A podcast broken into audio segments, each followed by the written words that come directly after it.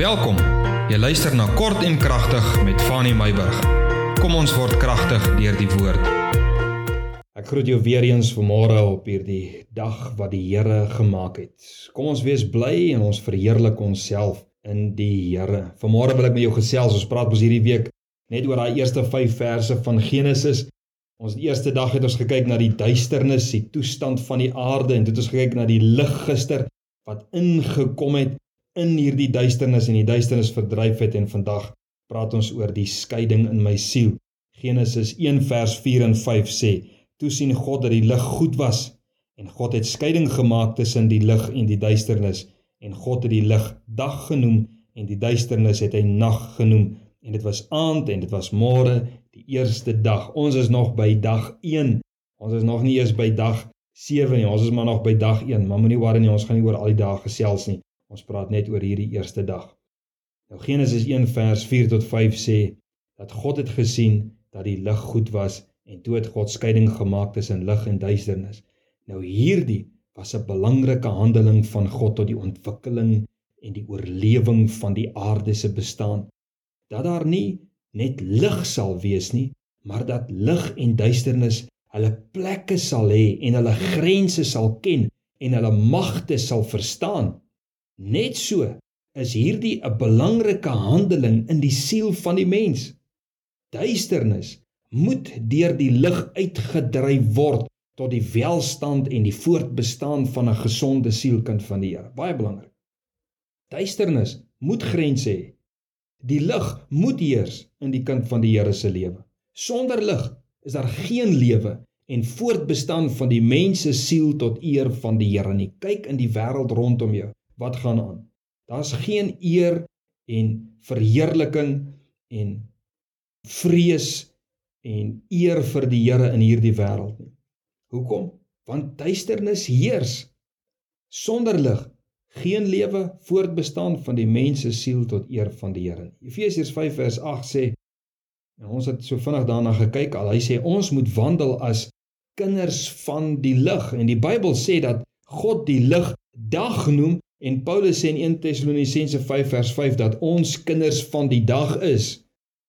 Jy weet daar is 'n skeiding en dis waarna ons vandag kyk. Daar is 'n skeiding tussen dag en nag. Die duisternis is oorweldig deur die dag. Die duisternis is oorweldig deur die lig. Maar die duisternis is steeds daar, nê? Nee? Onthou dit nou. Daar is 'n skeiding gemaak, maar die duisternis is daar, dit sy plek en die lig is daar, die lig het sy plek. Die funksie van die lig is om die duisternis te verdryf. Nou die duisternis het sy grense. Baie belangrik, maar die mens moet waak om nie die grens self oor te steek nie. En daarom wil ek vanmôre sê, ons moet die grens wat God gestel het tussen lig en duisternis moet ons respekteer.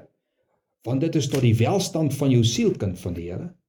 Johannes 1 vers 5 sê en die lig skyn in die duisternis en die duisternis het dit nie oorweldig nie. Weet jy wat daar is geen hoop in duisternis om ooit die lig te kan oorweldig nie. Al maak die Satan, die duiwel, die sielsvyand, al maak hy wat, al doen hy wat in hierdie lewe. Daar is geen hoop in sy donker, duistere, vervalle siel om ooit die lig te kan oorweldig nie, want die lig is Jesus Christus. En daar is alreeds aan die begin van tyd gesê dat die nageslag van Eva, die saad van Eva sal die duisternis se kop vermorsel en verbrysel. Daar is geen hoop in duisternis om ooit die lig te kan oorweldig nie. Baie belangrik om dit te weet. Daar is geen moontlikheid dat duisternis die lig kan wegdryf nie. Jy weet duisternis staan onder die gesag van die lig. Want solank as daar lig is, sal duisternis nooit die siel kan oorweldig nie. Solank Jesus heers in die siel van die mens, solank sal lig in die mens se siel heers. En weet jy juist dit is ons troos in die Here. Die Here onderhou ons in sy lig. En in Jesus Christus hoef ons nooit bang te wees of te vrees vir die duisternis wat rondom ons is nie. vir die eenvoudige rede vir my en vir jou as kind van die Here wat die lig het, is daar 'n outomatiese wegdrywing van die duisternis uit die siel van die mens. En die duisternis ken sy plek, die duisternis ken sy grens. Alhoewel daar altyd 'n drywing van die sielsvyand is om die siel van die mens te kom oorweldig en te verlei, dit is altyd daar kan hy net so ver kom as wat die lig hom toelaat. Daarom kind van die Here moet ons ons harte en ons denke wyd oopmaak vir die Here, sodat daar nie donker kolle in ons siel sal wees nie. Want dit is in die donker kolle waar die Satan heers. Duisternis heers in die donker plekke. Maar Jesus Christus heers daar waar die lig is. Maak jou hart oop vir môre. Maak jou siel, jou gees mens oop vir môre. Maak jou denke oop en sê Here, hier is my lewe. Laat u goddelike lig skyn in my lewe. Here, bring skeiding tussen lig en duisternis. Laat ek kan wandel in die lig. Prys die Here. Môre gesels ons in Engels oor hierdie begrip. God in my garden. Dis vir my so mooi. God het gewandel in die tuin saam met Adam en Eva en so wil hy wandel saam met ons nou dat hy in ons is deur sy lig.